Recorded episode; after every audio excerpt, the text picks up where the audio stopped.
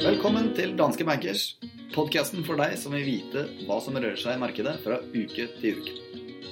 Mitt navn er Fredrik Ask Stensrud, og med meg i studio har jeg som vanlig vår sjefstrateg Christian Lie. Velkommen, Christian.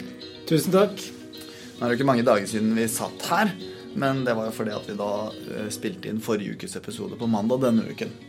Nå er det fredag igjen, og vi skal gå gjennom de viktigste sakene for eh, denne og neste uke. Så da kan du egentlig bare begynne med en gang, Kristian, og fortelle meg hva er det viktigste som har skjedd denne uken her. Vi har fått eh, en hel eh, haug med økonomiske nøkkeltall.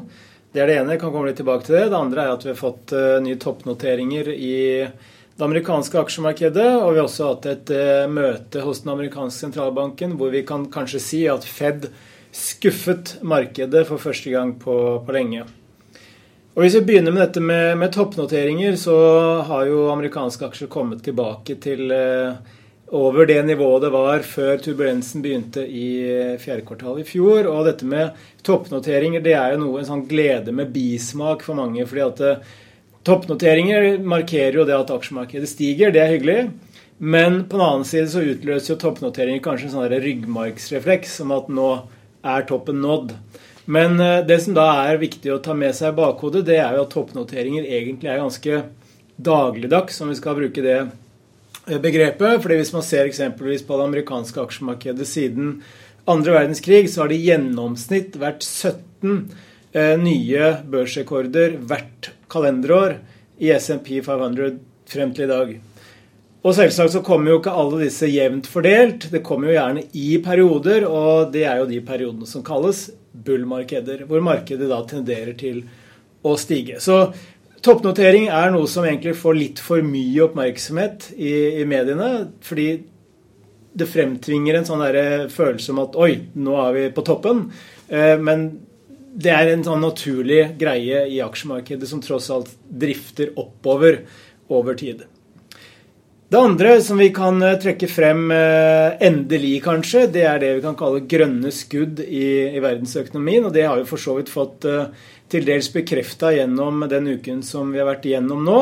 Vi har sett først og fremst flere tegn til at ting går i riktig retning i USA. Selv om det har vært litt sånn blanda i forhold til industriindikatorer fra USA, så har vi bl.a. sett at ordreinngangen til den amerikanske industrien eh, nådde det høyeste nivået på sju måneder. Og i dag får vi jo en arbeidsmarkedsrapport også, som også forventes å vise at arbeidsmarkedet er i veldig, veldig godt hold i, i USA. Så, har du akkurat tallene der? Hva som er forventa? Eh, nei, det har jeg ikke sett på. Det har jeg ikke sett på. Ellers har vi fått eh, fra Europa flere signaler om at ting fortsatt er svakt, men det er ikke i ferd med å bli svakere. Og det er for så vidt en positiv greie, det også. Og ser vi på disse velkjente PMI-ene som vi har fått fra eurosonen eh, generelt og Tyskland spesielt, så ser vi at man har fått en liten sånn fiskekrokform på strekene. Det vil si at de henger fortsatt nedover, men du har fått en liten sånn dipp Nei, det heter ikke dipp, da, men det heter en rekyl oppover i, i, riktig retning. Og da er det som vi sier på Hedmarken, da er det håp i hengende snøre. Uh, ja. Så Kina, der fikk vi litt svakere PMI-er. Uh, men det var egentlig ikke en overraskelse fra vår side, fordi mars-PMI-ene, som var veldig, veldig sterke, de var kanskje i overkant sterke pga. denne nyttårsfeiringen som vi snakket om også for et par, par uker siden. Så vi har, stadig uh, fortsatt mange andre eh, nøkkeltall fra Kina som egentlig bekrefter at ting har begynt å gå i, i, i riktig retning. Når det skal sies, så forventer ikke vi noen sånn vekstfest utover i andre halvår i 2019. Eh, vi tror på gradvis bedring i Kina. Vi tror USA kommer til å holde koken.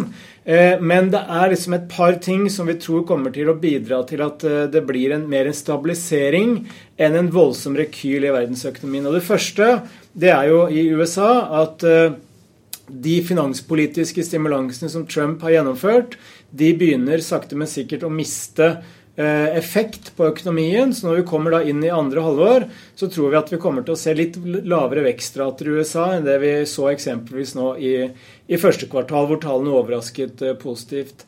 Og det andre det har med Kina å gjøre, fordi Kina har vært en viktig driver av aksjekursoppgangen så langt i år, gjennom at investorene helt riktig har uh, forventet at stimulansene fra myndighetene vil begynne å få en effekt, og det har vi sett tegn til nå. Men de som også følger med på dette, her, det er jo kinesiske myndigheter. Og vi tror at når vi da ser enda flere stabiliseringstegn fremover, så vil myndighetene sakte, men sikkert begynne å trekke disse stimulansene tilbake. Så ser vi litt frem i tid, så tror vi at Kina faktisk fortsatt vil utgjøre en brems for verdensøkonomien, og ikke det vi på Hamar kaller en akselerator.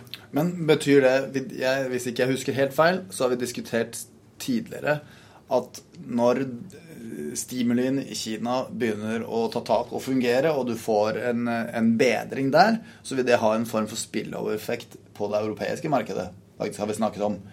Betyr det at vi har endra standpunkt i forhold til det? At vi ikke ser den samme eh, potensielle spillover-effekten der?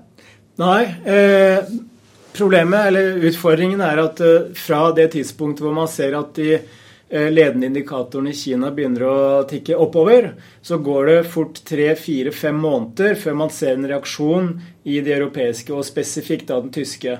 Og Dette var jo noe Goldman Sachs var ute og skrev eller snakket om eh, i begynnelsen av denne uken her, at de helt konkret sier at Kina kommer til å få en eh, konkret positiv impuls på europeisk økonomi, men det kommer til å få størst betydning for Tyskland, minst betydning for Spania, og det kommer til å ta tre måneder før man eh, ser en reaksjon i de europeiske nøkkeltallene, og da spesifikt de tyske nøkkeltallene. Så det er jo litt det vi venter på nå. Det siste punktet vi kan ta med i dag, det er jo at den amerikanske sentralbanken eh, på sett og vis skuffet markedet. Vi har sett litt svakere utvikling i aksjemarkedet de siste dagene. Og vi vet jo at den amerikanske sentralbanken også, i tillegg til kineserne, har vært en viktig driver for kursoppgangen så langt i år gjennom at de foretok denne U-svingen eh, på nyåret gjennom at de gikk fra å forvente to rentehevinger i 2019 til å si at vi kommer kanskje ikke til å heve rentene i det hele tatt. Og Dette er jo noe som har vært en perfekt eh, kombo for finansmarkedet, nemlig at veksten ser ut til å bedre seg, samtidig som sentralbankene kveler eh, holdt på å si, frykten for at vi skal få en innstramming i pengepolitikken. Men det eh, markedet har priset inn eh, før rentemøtet, det var jo jeg tror det var 70% sannsynlighet priset inn. Sannsynlighet for at Fed kommer til å kutte i styringsrenten i år. Ikke heve, men altså kutte i styringsrenten. Og Bakgrunnen for dette har bl.a. vært svak og avtagende inflasjon i USA, som vi vet Fed er opptatt av i forhold til hvordan de setter styringsrenten. Men det Fed sa nå på rentemøtet, det var at de trodde at den perioden med lav, eh, moderat inflasjon, den er midlertidig. Og det signaliserte at Fed har ingen umiddelbare planer de, om å senke styringsrenten.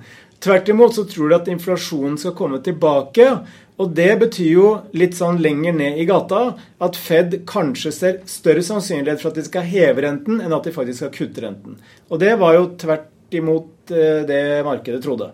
Ja. Så her var det en liten overraskelse. Men vil ikke den rapporten som vi da får senere i dag, også kunne ha ganske store konsekvenser for de forventningene man har der? Jo, absolutt. Og alle de inflasjonstallene, alle de, alle de tallene vi ser på lønnsvekst osv., som kan være viktig for hvordan inflasjonen utvikler seg frem i tid, dette er noe markedene følger med, med argusøyne. Og grunnen til det er jo nettopp at Fed, den amerikanske sentralbanken, kanskje utgjør den største risikoen for finansmarkedet og aksjemarkedet i øyeblikket. Fordi markedene har blitt så avhengig av at sentralbanken er duete og forsiktig. Og skulle vi få en mer aggressiv pengepolitikk igjen, så vil dette kunne dempe en del av den eh, kall det gullhårsituasjonen som vi har sett nå. Ok, vi får være obs for eh, rentespøkelset. Hva er det som skjer neste uke, Kristian? Eh, på, det, er, det, er, ikke en sånn veldig spennende uke, bare for å ta med det, i hvert fall ikke når det gjelder nøkkeltall.